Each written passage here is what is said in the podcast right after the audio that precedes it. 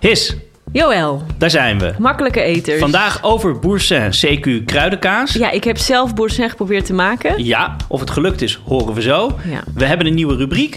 Zeker, een raar ding. Een heel raar ding ja, vandaag. hebben een heel raar ding ja, vandaag. en ik lees een stukje, nou, wat zullen we zeggen, bijna artichokkenpoëzie. Prachtig. We beginnen. Gehaktbal met jus of share dining menu. Makkelijke eters, kent u ons concept? Truffels en kokkels, calippo's en wokkel. Makkelijke eters, wat een goed recept. Uw recensenten zijn gaar en al dente. Makkelijke eters, Hiske en Joël. Lever met uitjes, muis met beschuitjes. Makkelijke eters, lusten alles wel. Daar zijn we weer. Ja, goedemorgen. Goedemorgen. Zo, Ik heb net een croissantje gegeten op de fiets. nou meid, ik ben trots op je. Ja, ik kan er echt ontzettend vrolijk van worden. Het is heel erg mooi weer. En ik vind eten op de fiets... vind ik echt een van de grote geneugden in het leven. Echt waar? Ja, ik hou daar Komt heel erg van. Ja, ik weet het niet zo goed. Misschien omdat ik altijd het idee heb dat het eigenlijk niet mag. Kun je eten in het openbaar misschien een beetje lastig of zo. Staand eten, lopend eten. Oké, Ehm, maar ik heb bijvoorbeeld ook... Ik ga wel eens frietjes halen bij ons. Ik woon eh, aan een kanaal en aan de overkant is een hele goede snackbar. ja. En dan ga ik wel eens frietjes halen voor het hele gezin. En dan vind ik ook niks zo fijn als die brug over fietsen met zo'n klamme zak in mijn- in mijn, in mijn klauwtjes. En dan stiekem van die zoute frietjes uit die zak eten. Daar ben ik ook heel dol op. Oh ja. Ja, ik fiets liever niet met een klamme zak. Nee? Nee, dat gaat schuren.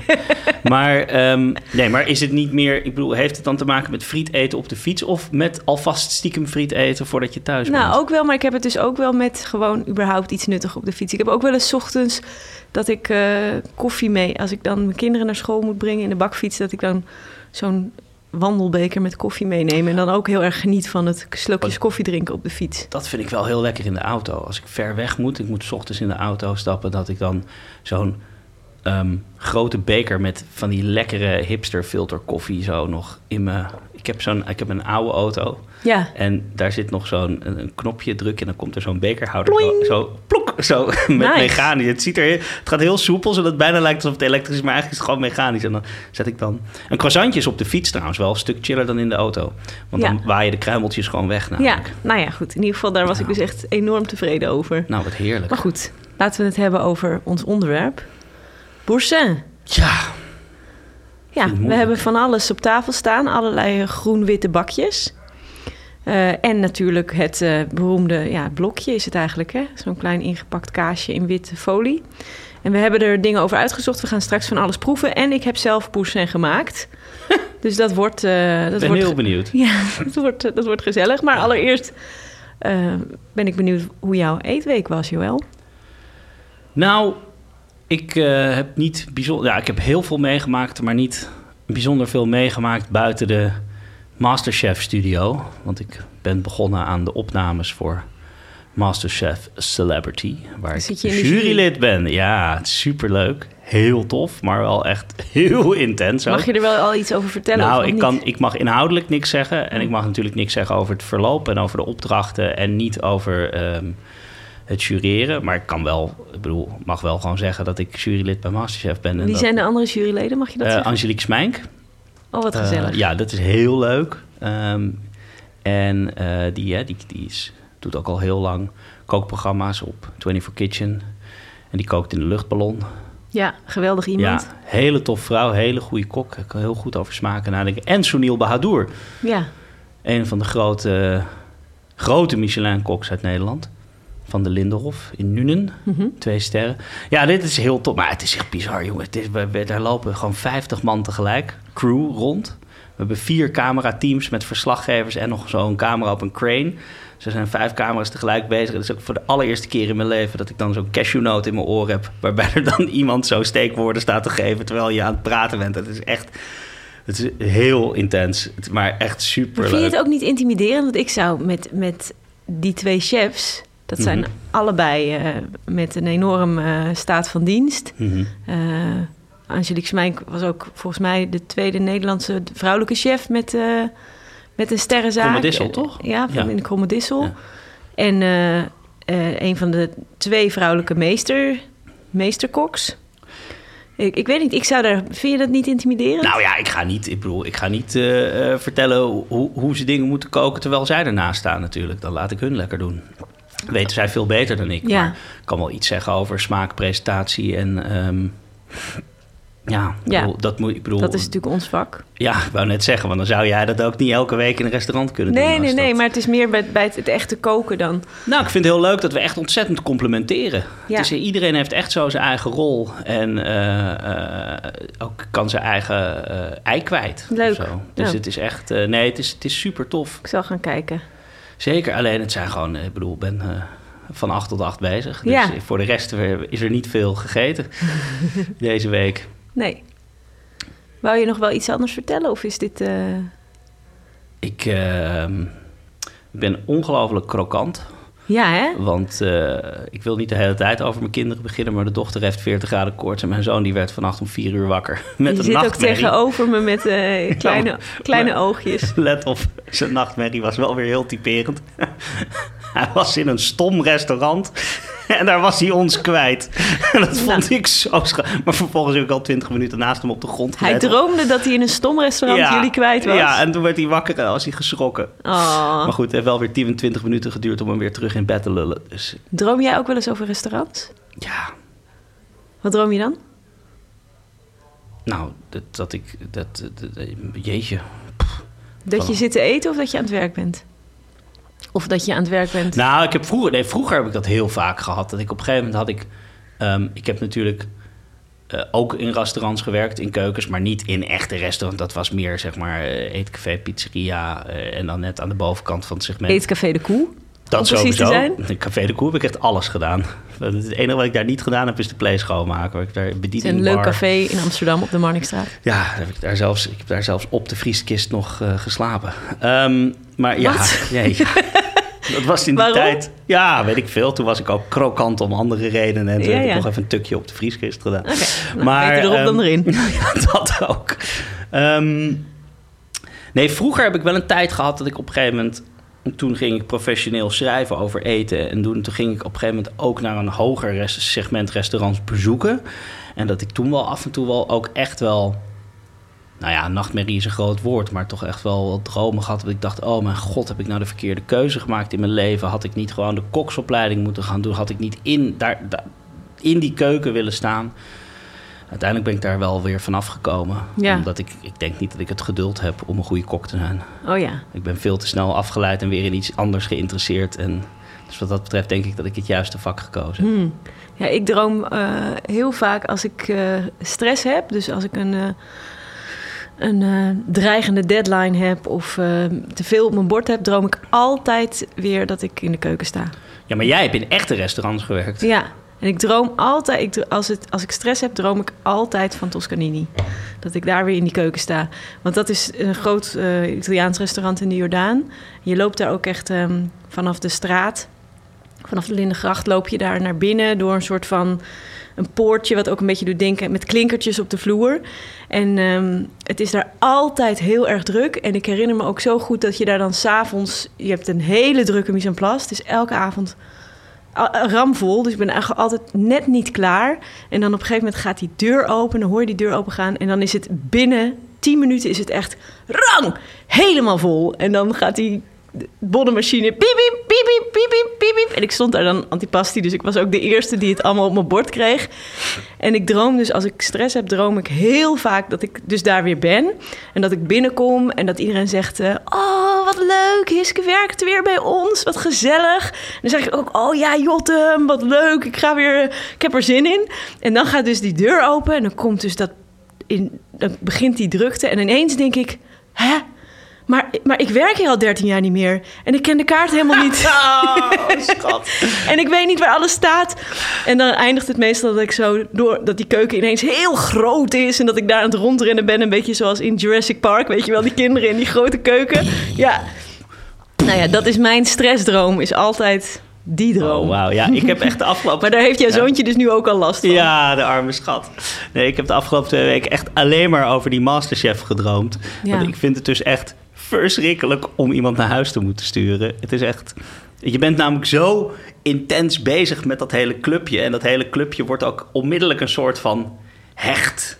Ja. Weet je, dat, dat, je zit in een soort pressure cooker... waardoor dat soort relaties allemaal op een beetje versneld op gang komen. Ja, het is heel intens allemaal ja, natuurlijk. en ik ben er echt zo niet voor. Ik heb het ook als ik een slechte recensie moet schrijven. Dan heb ik ook gewoon drie dagen buikpijn van. Ik Ja. vind het zo stom om mensen teleur te stellen of iets.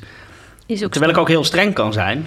Maar op het moment dat er dan echt iemand naar huis moet... dan word ik een soort verlegen jongetje... wat probeert eronder uit te... Ja, je staat daar niet... eh, You're fired! Nee, nee, dat kan ik echt niet. Of wat doet eh, Gordon Ramsay ook weer? Ik weet het niet. Ik ben een beetje, Take moe, your knives and go, of zo. een beetje moe van Gordon Ramsay Ja, laatste iedereen jaren. toch? Ja, het, is zo, het heeft zoiets ontzettend jaren negentig-achtigs, vind ik? Gordon Ramsay. Ja. Ik wilde ook nog wel iets vertellen over Ja, eh, mijn week. Namelijk, het, het, het leek me leuk... ehm, kijk, ik, ik eet vrij veel eieren. Oh, dat is het. ik denk al elke keer. Dat, Ruik ik toch? nee, dat was een grapje. Dat is Vertel. niet waar hoor, luisteraars. Ehm, nee, ik eet vrij veel eieren en ik heb ook ehm, best een paar gekke eh, trucjes met eieren die mijn eierleven zeg maar vergemakkelijken. Kun je jong leren? Nee, Oh. Ja? Nee, dat kan ik niet. Ehm, bijvoorbeeld, en dit is echt een, een hack waar ik heel trots op ben, want die is, is ook echt een eigen leven gaan leiden op Twitter. Het eitje uit de, het waterkokerei is mijn, eh, mijn eh, grote, hoe noem je dat ook alweer? Je, je- je- Ontdekking? Mijn grote ontdekking, ja. Dus ik doe een ei. Ik, weet je wel, ik wil niet een pannetje pakken. Ik doe gewoon een ei in de waterkoker. Dan zet ik de waterkoker aan. Die slaat dan vanzelf af als het water kookt. En dan laat ik het vijf minuten staan. Dan heb je een perfect zacht gekookt ei. Perfectie. Wat fantastisch. Ja, dat is toch En, goed? Maar en het is dus niet zo dat, want ik kan me voorstellen dat als het, er is altijd een moment dat die heel even heel hard borrelt. En slaat het ei dan niet kapot op dat element? Heb je dat wel eens gehad? Nou, ik, de eerlijkheid gebiedt me te zeggen dat het wel eens is gebeurd. Ja. Dat een ei is kapot gegaan. Maar altijd in iemand anders zijn water koken. ja, ik heb inderdaad ook wel eens van iemand anders gehoord dat het ei Ja. was stuk gegaan. En dat geeft inderdaad wel een heleboel troep. Maar het gebeurt bijna nooit. Kijk. En het is echt een geweldig trucje. Dus, eh, nou ja, dus eh, laten opkoken, vijf minuten laten staan. En het heeft ook echt mijn eierconsumptie veranderd. Want omdat het zo'n eh niksige handeling is... Het is altijd, en eh, je kunt een gerecht natuurlijk altijd heel goed afmaken... door er gewoon een ei op te leggen. Of het nou van een aardappelsalade tot een, een kom ramen. Ja. Alles, alles wordt lekkerder van zo'n Nou ja, alles wordt gewoon compleet lopend- met een ei Ja, erop. precies. Dus dat, eh, dat doe ik heel Heer- vaak. En vijf minuten dus voor zacht. Ja. En voor hard eh, la- laat ik hem nog één keer opkoken en dan laat ik hem ook nog even staan. Dus dan doe ik hem één keer laten koken en dan nog een keer laten koken Ja, en dan vijf minuten laten Ik staan. snap wat twee keer betekent. Etter. Goed, nou dat was dus mijn eerste Ja, oké, om het meer, leven, meer, leven meer. te vergemakkelijken. Ja. De tweede is, dat vond ik ook echt zoiets waar ik dan zelf heel erg tevreden over ben. Maar deze heb je ook echt allemaal zelf bedacht. Ja, zelf bedacht. Ja, ja, ja Goed, zeker. wat goed. Eh, en de tweede is eh, een eitje. Kijk, ik hou van gebakken eieren met kaas. Iedereen houdt van Wie gebakken niet? eieren met kaas. Maar als jij een uitsmijter bestelt, hè, dan krijg je vaak dus of je krijgt een heet ei op koude kaas, of je krijgt het ei met de kaas erop gesmolten. Wat ik dus bedacht, echt een copyright voor aanvra- aanvragen. Je kunt een ei natuurlijk ook bakken op de kaas. Maar, oké. ja. Hiske kijkt mij echt serieus aan.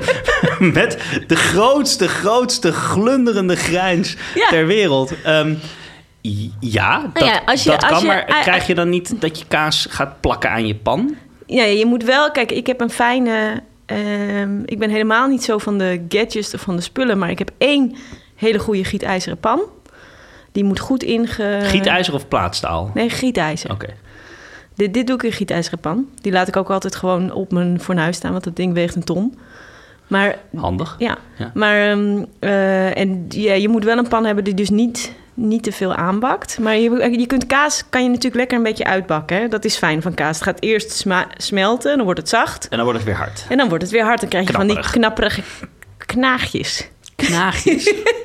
Van die Is kaasknaagjes. dat ook iets wat je zelf bedacht hebt? Dat bedenk ik echt op dit moment heb ik het bedacht. En eh, dat, dat gaat dus heel goed, want als je die eieren laat bakken op de kaas, gaat de kaas eerst smelten. En dan loopt het zo'n beetje precies mooi onder dat ei. En dan krijg je dus van die harde, knagige, knarsige hoekjes. Met maar wat is het probleem kaas. met gesmolten kaas op je ei? Nou, dan heb je die knarsige hoekjes niet. Oké, maar dan heb je niet je mejaar aan de onderkant van je ei. Nee, nee, je kan hem ook nog wel een keer nog even een beetje omdraaien. Oké. Weet je waar ik het ook een keer met je... hoeft niet nu hoor, maar waar ik het ook een keer met je over wil hebben... is het eh, inbranden van dit soort pannen. Ja. Gietijzerplaten. Want dat heb ik toch nog steeds niet helemaal... eh, Nee. Nee, want het ding met gietijzer en ook met plaatstaal trouwens... is dat je het moet, eh, zoals ze dat in het Engels noemen, ze dat seasonen. seasoning. En dat betekent dus dat je hem eigenlijk moet... eh, dat, dat je hem eigenlijk een soort laagje, carbonlaagje moet geven... waardoor die anti-aanbak wordt. En dat is nog best een beetje een ding. Je moet het gietijzer moet je goed voor zorgen. Mag je niet eh, met zeep wassen. Je mag het niet nat laten staan, want dan gaat het roesten. Ehm, en je moet het dus, af, je moet het dus een laagje geven. En ik doe dat zelf met kokosvet. Dan smeer ik hem in met kokosvet en dan laat ik hem heel heet worden... tot hij echt gaat roken. Dat kan ook in de oven, maar dat vind ik altijd een beetje een gedoetje. Dan moet je de hele oven ervoor opwarmen. Maar jij zegt carbon. Ja, het is een soort koolstoflaagje. Ja, want het is wel... Maar het heeft ook iets met vet. Want daarom mag je het niet afwassen met afwasmiddel. Ja, Want anders dan gaat al het vet uit die poriën van die pan. En dan krijg je dus dat die... Dus de, ja het is je moet hem verzadigen. vet. Je verzadigt hem eigenlijk met echt keihard verbrand aangebakt. Volgens mij is dat het. Ja, ik, ik zeg het nu alsof het... Oh ja. Maar volgens mij is dit het. En dat is dan gezonder dan een teflonlaag. Ja, volgens mij wel, want het, het, het, het wordt gewoon zo hard. Het gaat niet in je eten zitten. Nee, nee, precies. Dat is juist het hele idee. Dat je eten er makkelijk los van Ja, komt. en daarom mag je bijvoorbeeld in die pannen ook geen zure... Ja, wel wat, ik, ik doe er af en toe wel een kneepje citroen als ik iets erin gemaakt heb. Maar je Mm. moet er bijvoorbeeld geen tomatensaus in maken of zo. Want dan Ah. laat die hele laag, die laat dan weer los. Ik weet eigenlijk niet of dat dan ook in je eten komt... en of dat niet heel ongezond is. Nou, voor een volgende keer. Dat gaan we uitzoeken. Makkelijke eters, Gaan we door. Met eh, het object van de week. Het object van de week. Du, du, du, du, du, du, du, du. Je hebt... eh, ja, we hebben Dupin. we hebben geen... We, we eh, hebben niet Duvin. ja, we hebben het is wel- tien uur 's ochtends. We hebben wel Du Boursin. Ja. En ik ben nu echt al met heel veel plezier het papiertje eraf aan. Wow, er komt echt een knoflook vlap uit in mijn, in mijn gezicht. Ehm, het, eh, uit het papiertje aan het halen. Want het, is natuurlijk heel typisch aan Boursin dat het in zo'n mooi zilverpapiertje opgevouwen is... die je dan als een soort bloemetje openvouwt. Je weet er wel iets heel, iets heel moois van te maken. Ik Heb nog jij, nooit aan eh, een bloemetje gedacht toen ik... Heb jij, eh, dat, eh, had jij dat vroeger, Boursin? Eh, Of eet je het nog wel eens? eh, als het op tafel staat, smeer ik er wel eens wat mee in, ja. Ja, maar niet... Je Maar hebt ik niet... ben niet zo'n zo'n zo'n boursin pasta koker, zeg maar. Dat Oh, heb ik ja. ook nooit geweest. niet in mijn studententijd en zo. Dat, Ja, dat was natuurlijk... Ja, dat was echt het studentengebeuren... was dat je het inderdaad door de pasta met gerookte zalmsnippers gooide. ja. Misschien eh, wil jij even beginnen met eh, waarom je dit überhaupt gekozen hebt. Oh ja, Jij bent degene die het onderwerp in de tombola gegooid heeft... en ook degene die het er weer uitgetrokken heeft. ja, ja. Ehm, ja, ik heb met Boursin... Ik heb al eerder bij de Paprika Chips eh, aflevering verteld... over ehm, de, de wekelijkse traditie in Huizen Versprillen. Namelijk het in steen gehouden glaasje. Dus mijn ouders die waren er altijd op gebrand... dat we op vrijdagavond even Oh, bij elkaar gingen zitten. ouders, ja, ja. En dan zeiden ze, we gaan een glaasje drinken. En wij kregen dan, dus toen we klein waren... kregen we dan een bakje, klein bakje chips. Heb ik al Mhm. verteld, een heel klein bakje. Ehm, en eh, eh, mijn ouders die dronken dan een glaasje port of een glaasje sherry of een glaasje wijn. En, en dan namen zij een toastje. En dan zet, krijg je dus die toastjes op tafel met eh, vaak met een stukje roombree of zo. En ze hadden ook wel eens van die gekke gele kaasjes met van die hele walnoten erop. Oh, rambol? Is dat rambol? Dat is ook een beetje romen, ook een beetje smeerbaar. Ja, het is ook echt wel een beetje een soort supermarktkaasje met, met een noten hele... erop en noten Met erin. noten. Geweldige noten. Ja, die. Ja, is dat Rambol? Oh ja, Ja, nee, dat zou nou. kunnen. En eh Boursin natuurlijk. Dus het, er hangt voor, voor mij hangt er een soort van zweem van... Beetje vrijmibo voor jou dus. Ja, nee, ja, maar van een soort volwassenheid over. Oké, het, was echt, ja, eh, het, werd, het was echt wel een eh, soort van momentje van... Oh ja, we gaan even iets, iets chics eten. Mhm. en daar hoort Boursin dus heel erg bij eh, voor mij. En het is ook wel iets waarvan ik dus op een gegeven moment... dat ik op mezelf ging wonen... dat ik het ook wel eens kocht om het dan juist gewoon eh, op mijn boterham te smeren. En dat vond ik dan ook heel tof. Dat, je, dat voelt dan toch een beetje als iets heel decadents. dus eh, ik heb wel een soort van... eh, ik heb wel een soort dingetje met boursin. Ik vind het trouwens ook nog steeds helemaal niet vies. Nee, het is, het is helemaal niet erg om te eten. Nee. Het is... eh, Ik ga even... ja, wat, wat is het eigenlijk? Ja, ehm, nou ja, wat ik grappig vond was... Kijk, je hebt ehm, in Frankrijk eh, eh, eigenlijk meer een soort gerecht. Dus meer dan een kaas, een, een gerecht. Wat bestaat uit verse kaas gemengd met verse kruiden. Ja, Dus dat zou echt gewoon... Dat is, dat is meer iets wat iemand voor de lunch of zo... misschien even snel in elkaar draait. Eh, Normandië, waar de boursin vandaan komt... daar heb je natuurlijk heel veel zuivel... ja. Dus eh, eh, het gerecht fromage frais au finerbe, Mhm, dat, dat mhm. eten ze daar ook gewoon zo vers gemaakt. Maar, en fromage frais, is dat, is, Fromage frais is, is ver- dat toch, is toch kwark, fromage frais? Ja, dat is ook verse kaas. Verse kaas met kruiden. Maar kwark is ook kaas. Ja, maar iets anders dan roomkaas. Ja, want het is dus eh, wat het ook nog wat het anders maakt dan alleen maar inderdaad heel verse kaas, is dat er eh, room doorheen gaat. Dus het wordt opge, er wordt nog meer eh, slagroom doorgedaan. Ja, ja Zodat dus het is het eigenlijk, een soort, wordt. eigenlijk is het dus gewoon een soort kwark opgeslagen met room. Want het, het is ook, dit is ook een beetje...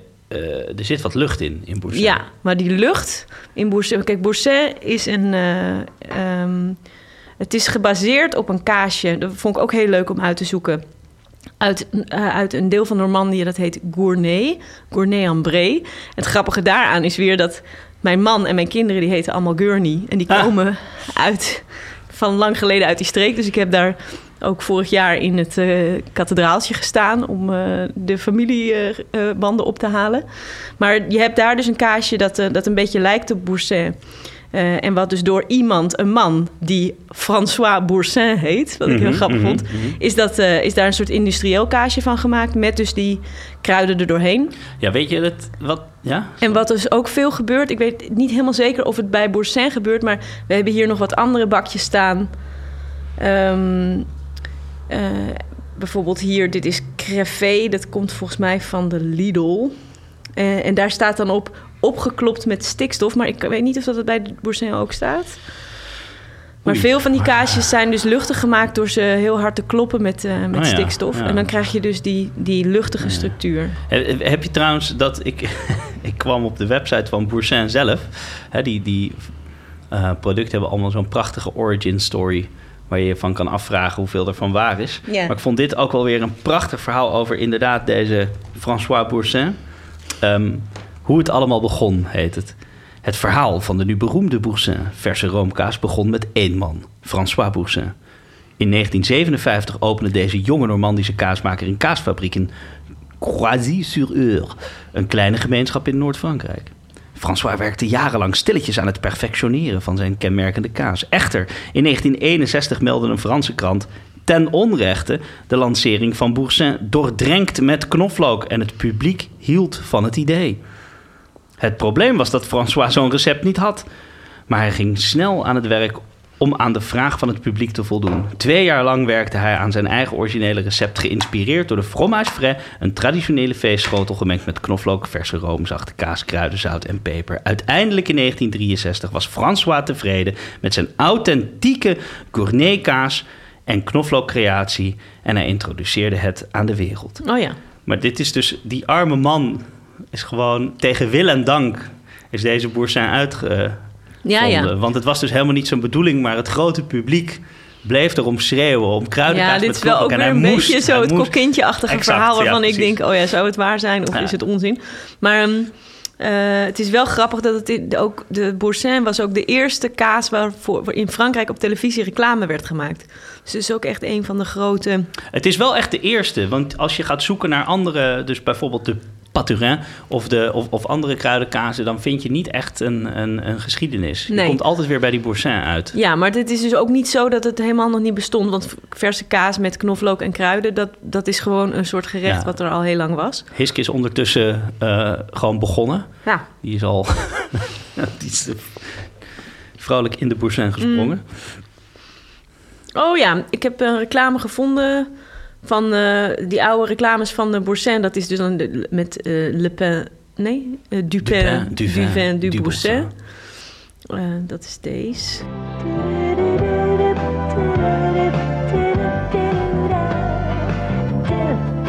Du pain, du vin, du boursin. Ja, deze reclame weet ik nog heel goed. En, maar ehm, wat echt zich in mijn herinnering heeft geëtst... is de reclame van wat we hier ook hebben staan, namelijk eh Paturin. De grote concurrent. Sorry, nu ben ik ook begonnen met eten. De grote concurrent. Ehm, en dat, die had namelijk een reclame met Rijk de Gooier... die ik nog heel goed wist. Die, eh, dat is deze. Attention, notre ami Rick. Tous français, donnez nous hollandais. Beaucoup de plezier avec Paturin. Paturin. Goed onthouden, jochie. Omdat Paturin is cremeux, lekker romig. Paturin is jeun, lekker jong. En het smeert zo gemakkelijk uit. En daarom, mes amis, vive la France, vive Paturin. Paturin. Goed gedaan, Jochie. Goed gedaan, Jochie. Goed gedaan, jochie. Maar Is dit niet van Paturijn? Dat is pas fijn. Ja, Paturijn, dat is pas fijn. Ja, Oh, die kwam er dan denk ik nog achteraan. Oh, ja. Ehm, maar Boursin is op een gegeven moment... dat is dus heel lang echt een familiebedrijf geweest. En het is op een gegeven moment overgedaan aan eh, Unilever. En Zal. inmiddels eh, is het van eh Lebel Groep. En dat is weer een Franse organisatie... die ook Babybel hebben. La ook nog een onderwerp... waar we het misschien een keer over moeten gaan hebben. Je wel schud van nee. ja, ik heb daar weinig... En ehm eh, Port Salut. Dus eigenlijk al die Dat kleine... heb ik wel heel veel gegeten. Ja? Ja. Ik heb hier de Paturijn net, net opengemaakt. En er staat op het flapje staat meteen tagliatelle met zalm. 250 gram Paturin, 4 eetlepel melk, 8 sneetjes gerookte zalm, 500 gram verse tagliatelle, peper en zout. Want de, de, de- inderdaad, de roomkaas pasta was echt, denk ik, begin jaren 2000...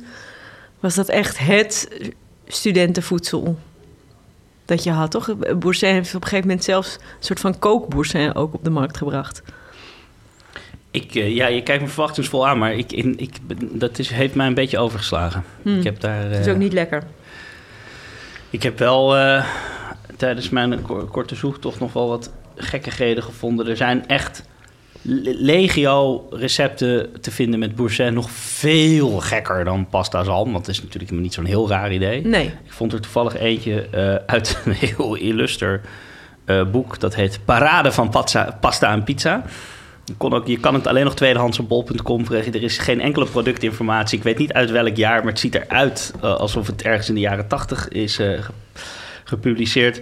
Waarin de, in de ingrediëntenlijst hazelnoten, ketchup manis, tahoe, volkoren macaroni, wortel, crème fraîche en dus die kruidenkaas. Goed. Wat en tofu? Ja, en ta ja tahoe, tofu. Wat heftig, ja. zeg. Ja, het is heel bijzonder. Nou, ik heb Ehm. dus eh, gisteravond zelf eh, ge- geprobeerd boursin te maken. Oh. In, in een soort... ehm, Mag ik het zien? ja. Nou, ja, niet, niet lachen, want het ziet er...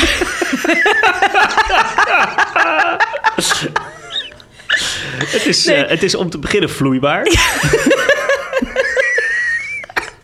maar, sorry, Hoe, ah, wacht even. Ik wil heel even, ik wil, voordat we hier dit nu hebben, ik wil heel even je gedachtegang, wil ik heel even.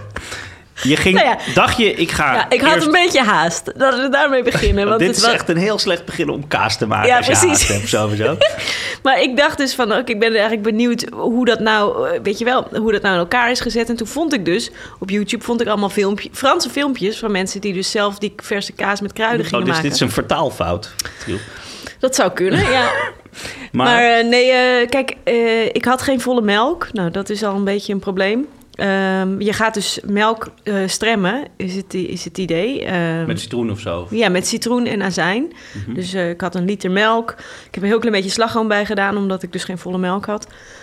En dat heb ik geprobeerd te stremmen. Dan moet je het een beetje opwarmen met wat zuurs.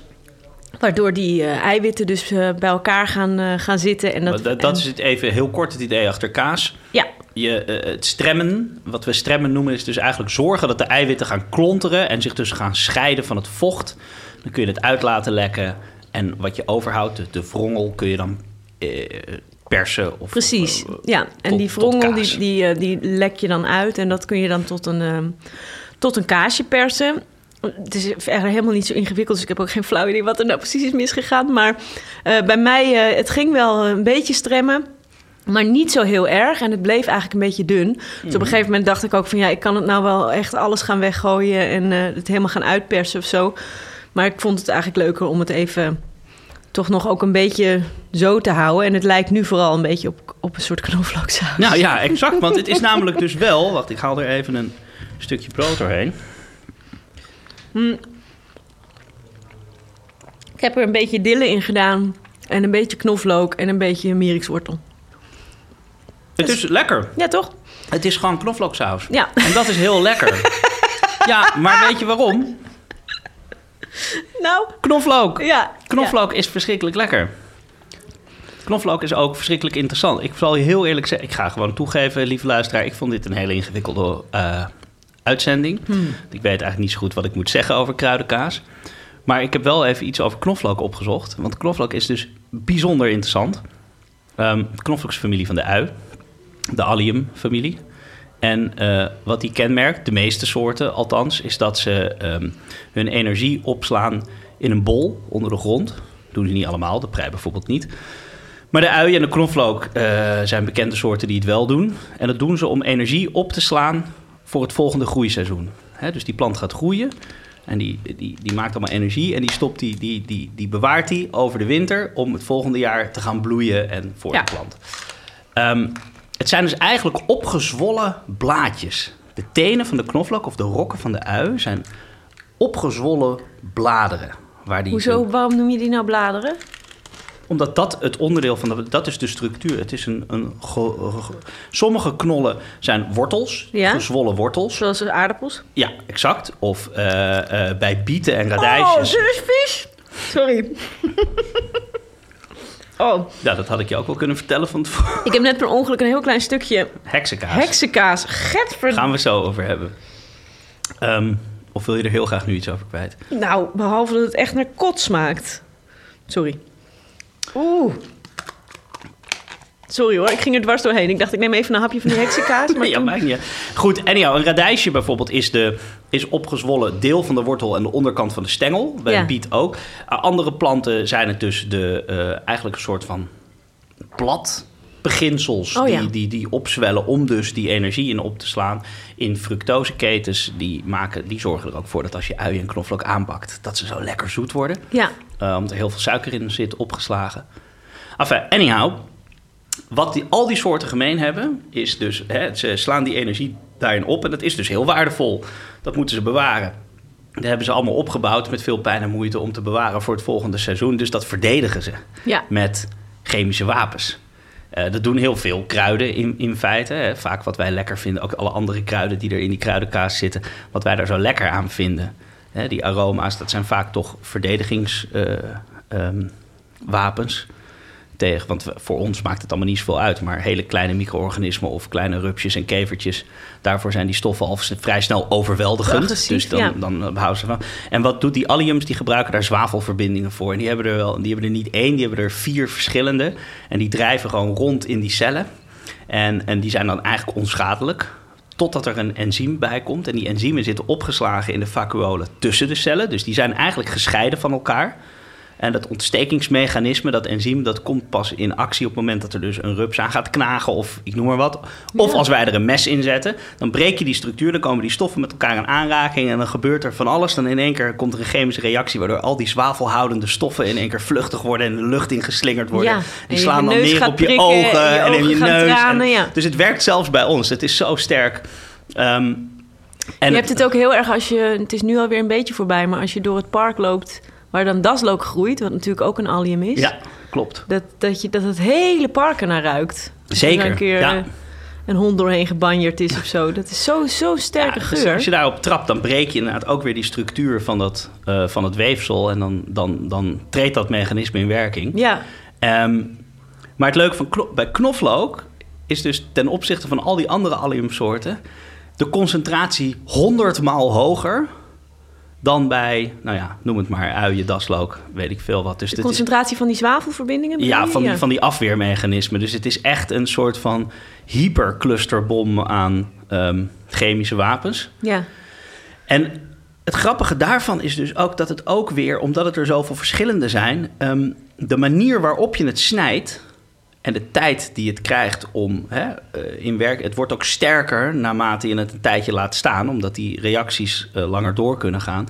Dus als je een knoflook door de pers haalt, of hem snijdt met een mes, of hem wrijft, of hem over een ras, het- dan krijgt die dus andere smaak. Ja. Dat, dat heeft invloed op de uiteindelijke smaak van die Ja. knoflook. ja, dat is ook echt, vind ik ook altijd zo grappig dat het ook zo aan mode gebonden is. Want je had dus vroeger heel vaak in recepten, dan stond er knoflook, u de knu. Er stond er knoflook en dan u.d.kn. Punt. Dat U de heet- knu? U de knu. Uit de knijper. Uit de knijper, uit de knoflook. Ja. ja. En toen op een gegeven moment is die knoflookpers is helemaal eh, een beetje onder invloed van eh, ook, ik denk ook eh, Jamie Oliver en Gordon Ramsay en zo. De Jamie Oliver die zei dan van just whack it with a knife, weet je wel. Die, die gaf er gewoon een ram op. En eh, Gordon Ramsay die, die sneed dat in hele mooie dunne plakjes. En Nou, toen was die knoflookpers die, die raakte echt uit de gratie. Nou ja, het wordt, kijk, de, de knoflooksmaak is verfijnder als je hem snijdt. Als door die pers, dan verpulver je het. Hè? Je maakt er gewoon één grote pap van. Dus dat betekent dat je gewoon dat, zeg maar, alles in één keer vrijkomt. En je krijgt dus een veel scherpere, veel heftigere smaak dan. Ja, Als je het helemaal niet wil, want knoflook heeft natuurlijk ook een heel mooi aroma. En dat kan heel zoet worden als je het dus eh, bakt. Dus uh, je kan ook als je die tenen gewoon heel even in kokend water blancheert, dan maak je die enzymen kapot. Ja. En als je hem dan daarna snijdt, dan doet hij niks meer. dan proef je alleen die zoetigheid. Dan, dan, dan ik vind het ook altijd zo lekker aan knoflook als je bijvoorbeeld, maakt niet uit wat, in de oven stopt, een groente of zo, dat je gewoon zo'n hele bol knoflook erbij eh, doet. En die pop, daar hoef je verder ook niks mee. Die poft zichzelf gewoon lekker gaar. En daarna knijp je die teentjes uit. En dan is het heel lekker zoet, heel lekker, een beetje toastachtig, zeg maar. Echt, eh, ja, echt Heerlijk. fijne dat is dus, als ik, als ik zelf knoflooksaus maak, dan doe ik altijd een half teentje rauw over de rasp. Ja. Om wel even die tik te krijgen. En de rest pak ik inderdaad teentjes gepofte knoflook die je uitknijpt. En dan krijg je alleen maar dat zoete ar- aroma van die knoflook. Ja. dan kun je naar smaak een heel klein beetje van dat rauwe erin Ja, gooien. ik gebruik ook altijd de rasp, de microplane eh, Ja. rasp, voor, eh, voor een klein tikkie knoflook op het laatst. Ja, nou goed. Dat wat betreft mijn ode aan de knoflook. Ja, hartstikke goed. Ehm, ik moest ook wel lachen, want ik belde ook nog even Marieke van eh Kaaswinkel Kef over de Boursin. Omdat ik benieuwd was of er nog verder nog iets te zeggen was over de traditionele achtergrond van het gerecht. Maar daar wist ze niet zo heel veel van. Of in ieder geval, ze zei van ja, ik ken verder niet een kaas die hier ehm, echt, eh, die- zeg maar een traditionele Franse kaas die er echt op lijkt. Ehm, maar wat ze wel vertelde was dat het grappig was dat het om roomkaas ging. Dus om, juist om extra bijgeroomde kaas. Mhm. Omdat ze vertelde, vaak is het zo dat als kaas een extra smaak krijgt... van kruiden bijvoorbeeld... dan gaat het om ondermelk. Dan gaat het juist om de lagere kwaliteit melk. Bijvoorbeeld bij Leidse kaas... Leidse kaas eh, is gemaakt van magere melk. Ja. Want eh, er is eerst boter gemaakt Ja. van de room. En ehm, die, ehm, die magere kaas, daar gaat komijn bij. Want dat geeft het wat extra smaak. Ja. Wat, omdat het, die, omdat die, dat vet er minder in zit. En daarvan gaf ze nog een paar voorbeelden van... ja, het is eigenlijk gek om een, eh, zeg maar een kaas van goede kwaliteit... dus van, of van de hogere kwaliteit room... om daar zoveel smaakstoffen in te gooien. Maar goed, het is natuurlijk... Kijk, al, die kruidenkaasjes die wij nu proeven... is allemaal industrieel gemaakt. En dus opgeklopt met, eh, met stikstof... en ook met allerlei andere bindmiddelen. En zo nog kwarpitmeel, johannesbrood, pitmeel. Sm- Proef jij heel erg een verschil Nou. tussen de kaasjes? Want we hebben Nou. dus de Paturin staan. De Boursin is de enige die echt, eh, Nou, echt dat- een kaasje is. Dus, dus, en waar je echt een stukje ook nog van zou kunnen snijden. Die, die is ook wat rulliger. Die heeft toch nog een beetje die... eh, die, bijna die ehm, ricotta-achtige rulligheid. Ja, die paturin is wel wat, wat, wat smeuiger, wat smeerbaarder. En je ziet ook heel duidelijk het verschil tussen die kazen die dus, waar dus die stikstof in zit. Dat is echt een soort moes. En de kazen waar dat niet in zit. Hé, hey, maar die heksenkaas die jij net hebt, wat jij naar kots vindt smaken, wat ik dus eigenlijk op zich nog best wel mee vind vallen. Nou, Eh, het is zo misschien- zoet ook. Nou ja, je verwacht iets anders. Maar dit is dus echt een soort knoflooksaus. Zoals je, zeg maar, industriële knoflooksaus. Het is eigenlijk meer een soort aioli met een klein... Er zit maar 16% roomkaas in. Dus volgens mij is het gewoon... Dat is die heksenkaas. Ja, dat is, dat is gewoon eigenlijk een soort geëmulgeerde saus op basis van vet. Zoals Ja. mayo of Het zo, is een soort friet, misschien frietsaus. Ja, zoiets, En, en, en echt heel veel suiker zit erin. Ja. Het is Ja. heel zoet. Heb jij een, ehm, een favoriet? Nou, Behalve natuurlijk mijn geweldige ik denk dat ik vers eigenlijk... gestremde knoflooksaus.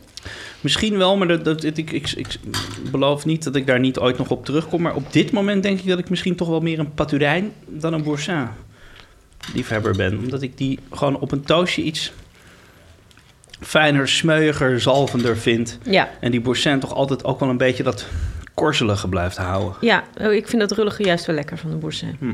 Nou, heel goed. Goed. Ehm, maar jij vertelde dat je allerlei rare recepten had gevonden, ook met boursin. Ik had ook nog een recept gevonden wat me eigenlijk wel leuk leek, namelijk een omelet gevuld met boursin. Dus dat je een klassieke Franse omelet maakt, weet je wel. Dus die maar- Omelette du boursin. Omelet du boursin. En ehm, eh, nou ja, dus een beetje baveuze van binnen. Dus van binnen nog een beetje lekker eh, smotsig. En daarin doe je dan die boursin. Dat leek me, wel, dat leek me eigenlijk best wel lekker. Oké. Maar ik heb het niet gemaakt. Ik zie in het draaiboek dat jij een extra eh, rubriek hebt toegevoegd. ja, ik heb een nieuwe rubriek toegevoegd. Geheel zonder overleg. Namelijk de rubriek Een raar ding. Ik juich dit alleen maar toe. Dit, ik, vind, ik heb hier geen enkel Nee? nee, bezwaar Nou, tegen. we hebben ehm, van onze lieve vriendin Mees Ja. eh, iets gekregen. Namelijk ehm, een zakje, een knalgeel zakje. eh, met iets dat heet Kim's Smash. En ze heeft dit ook aan mij gegeven, echt met de opdracht dat wij dit in de podcast gaan proeven.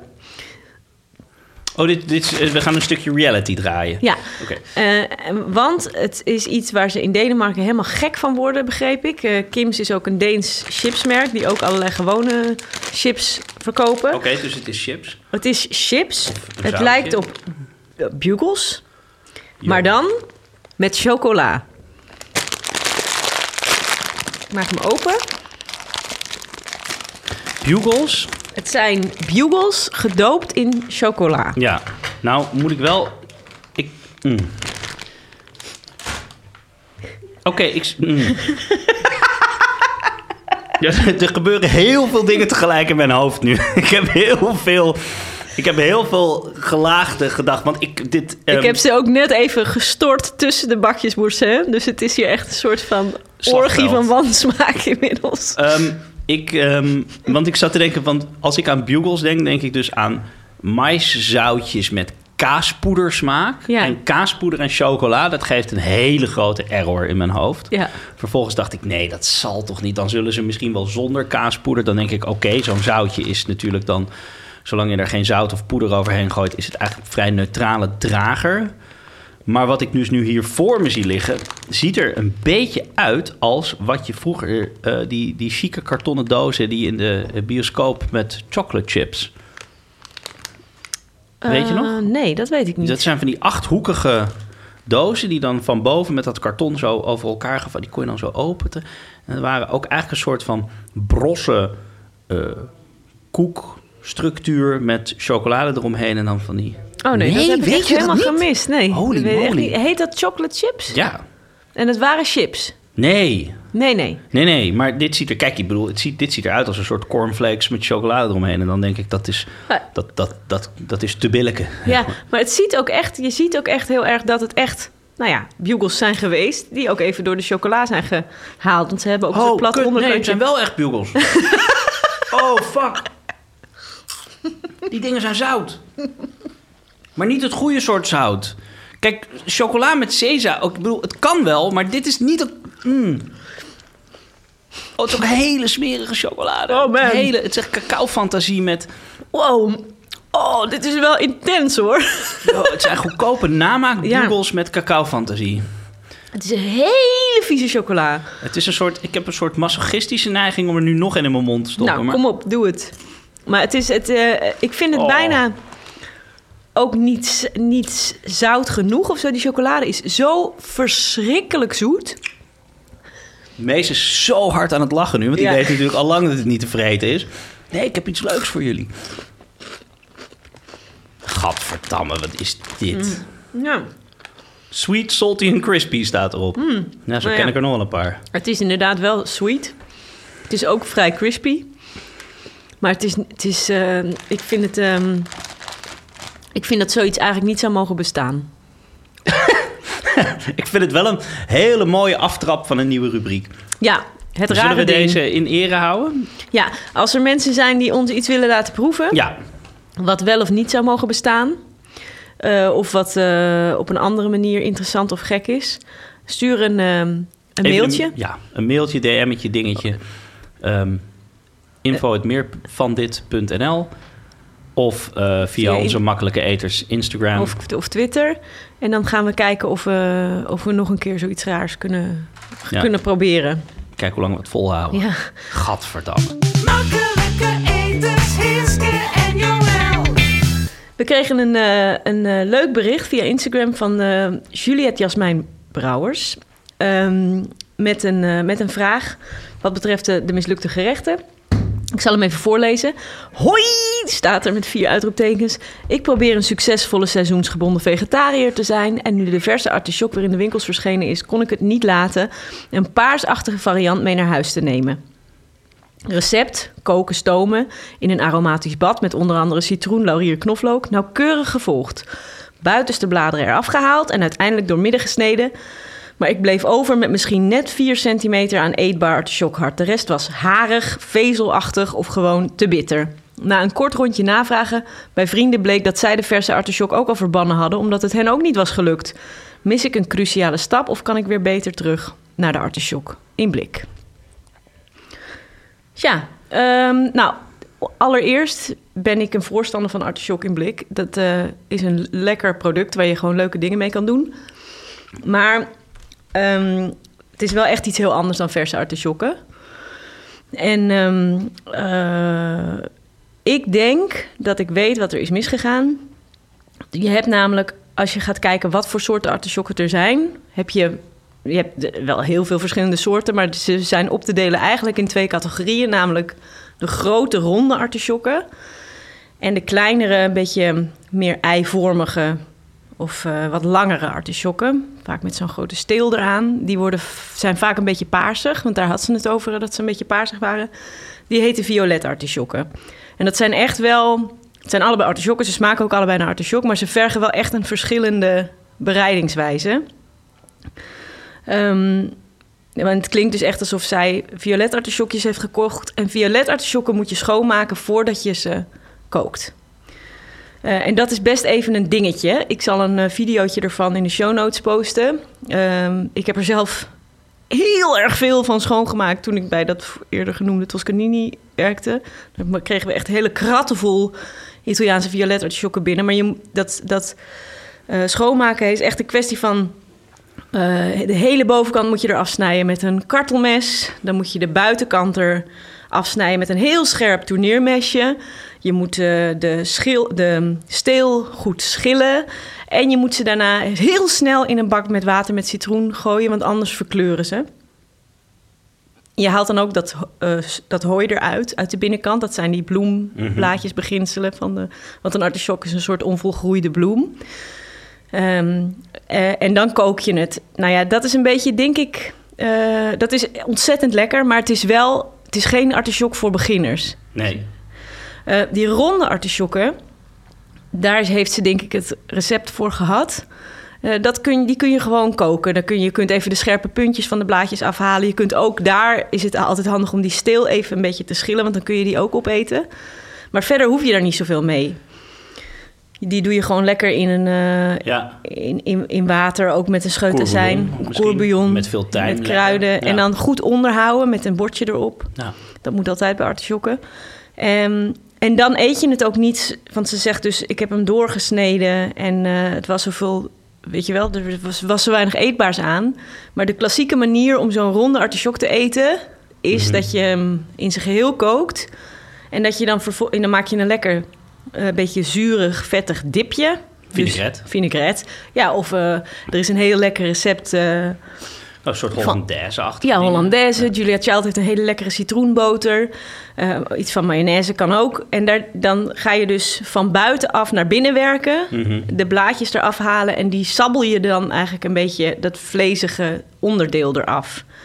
En dat is hoe je klassiek een ronde artichok eet. Maar als je eh, iets met een, een artichokbodem... Die ronde artichok hebben natuurlijk ook gewoon een veel grotere bodem erin zitten. Ja, Dus die kun je in principe ook op die manier...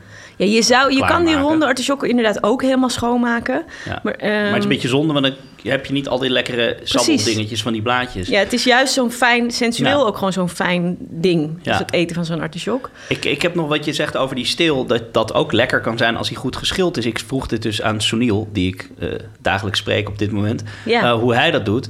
En hij zei toen ehm, dat, dat je als je de artichok met de kop op de tafel legt en dat je die ehm, steel dan steeds knakt naar beneden en hem dan een kwartslag draait en weer knakt en een kwartslag draait en weer knakt, dat je op een gegeven moment dus die buitenste vezeltjes en dan kun je dus met die steel dat, die, die, die lange draderige vezels er, eraf halen. Ah, En net zoals dat je het kontje van een asperge eigenlijk Ja. soort van knakt dat maar die... dit is als hij rauw is? Ja, Oh ja, volgens mij wel. wat een leuke truc. Ja, die kende ik niet. En hij zei ook wat heel lekker is, is eh, als je hem dus wel schoonmaakt, dat je die, eh, dat je die bodem eigenlijk met twee hele dikke plakken citroen, één boven, één beneden, opbindt met touw en dat dan vervolgens in een courbouillon eh klaarmaakt. lekker. Dat vond ik ook wel heel lekker klinken. Ja, ik ben echt dol op artichokken. En ik vind vooral ook juist die kleine violet artichokjes echt heel erg lekker. En een, een hele fijne manier om dat te maken, dat is ook weer een Romeinse eh, maakwijze, is dat je ze frituurt. Ja. Dus dan maak je hem schoon. Dat hooi, dat haal je eruit. Je duwt het een beetje uit elkaar, die blaadjes. En vervolgens frituur je ze volgens mij gewoon één keer laag, één keer hoog. Zeg maar net als friet. En dan krijg je hele mooie, bijna een soort bloem. Die je dan eh, met flink veel zout en misschien ook met een lekker sausje erbij. Nou, dat is zoiets geweldig lekkers. Wat ik dus ook zo leuk vind, omdat je zegt net het woord bloem. Weet je, artisjokken zijn verschrikkelijk mooi om als bloem neer te zetten. Want de blaadjes, wat wij de blaadjes noemen, zijn eigenlijk een soort schutbladeren. Ja. En dat hooi wat daar binnen zit, dat zijn de bloemblaadjes. Als je een artisjok dus laat bloeien, dan, dan, dan piepen die, die, die haartjes, die worden een soort van paarsig van kleur. En die piepen dan tussen die schutbladeren uit. Het is eigenlijk een distel, hè? Ja. Dus het is een distelachtig. En dat is dus ontzettend mooi om in een vaas te hebben. Dat je zie je dus gewoon een he- zo'n hele artichok. Die blaadjes gaan een, een tikkeltje meer die schutbladeren openstaan. En dan komt er van dat prachtige paarse haar tussenuit. Het is, Ja. het is geweldig. Een soort punkers. Ja, mooi toch? Ja, heel leuk. Nou ja, Nou. ik denk dat als, als eh, zeg maar de, de praktische tip zou ik zeggen... probeer het nog een keer, maar dan met ronde artichokken. Die je gewoon in zijn geheel kunt koken en dan lekker kunt eh, afbijten. Ja. Dan zou ik deze aflevering willen afsluiten met een citaat wat ik vond in het groentekookboek van Jane Grigson. De geweldige Jane Grigson. De geweldige Jane Grigson. Dit is wel de Een eh, hele beroemde kookschrijfster. vertaalde variant. Ik wil één alinea voor. Weet je wie dit vertaald heeft? Uh, Volgens mij Joosje Noordhoek. Mijn, Jouw mijn, Joosje Noordhoek. mijn eh, gewaardeerde tafelgenoot. Verdomd, je hebt gelijk. Ja. Nou, dat heeft ze dan waanzinnig mooi gedaan. Kunnen wij nu allemaal want luister. De artichok is vooral een plantaardige expressie van een beschaafde manier van leven. Van kunnen afwachten. Van toenemend genot door het vooruitzicht dat langzaam tot een climax leidt. Geen wonder dat de artichok ooit als afrodisiacum werd beschouwd. In de op onmiddellijke bevrediging ingestelde trollenwereld paste hij niet.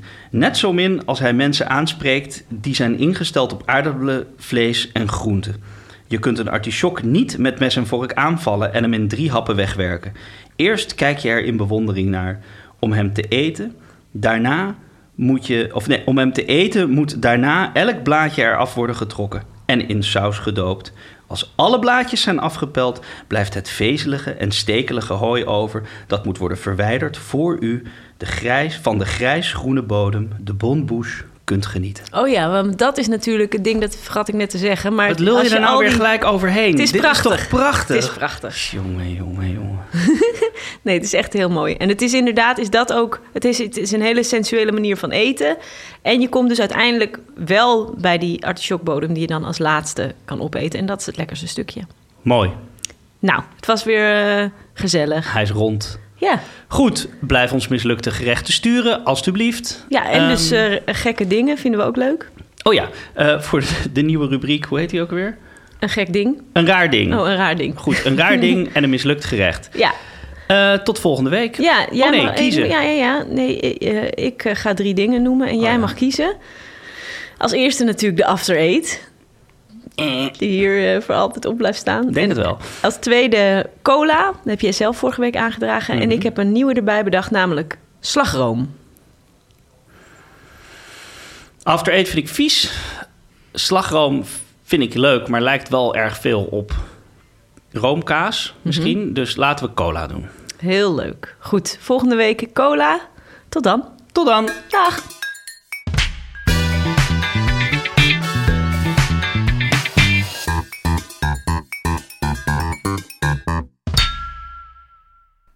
Dit was een podcast van Meer van Dit. Wil je adverteren in deze podcast? Stuur dan een mailtje naar info.meervandit.nl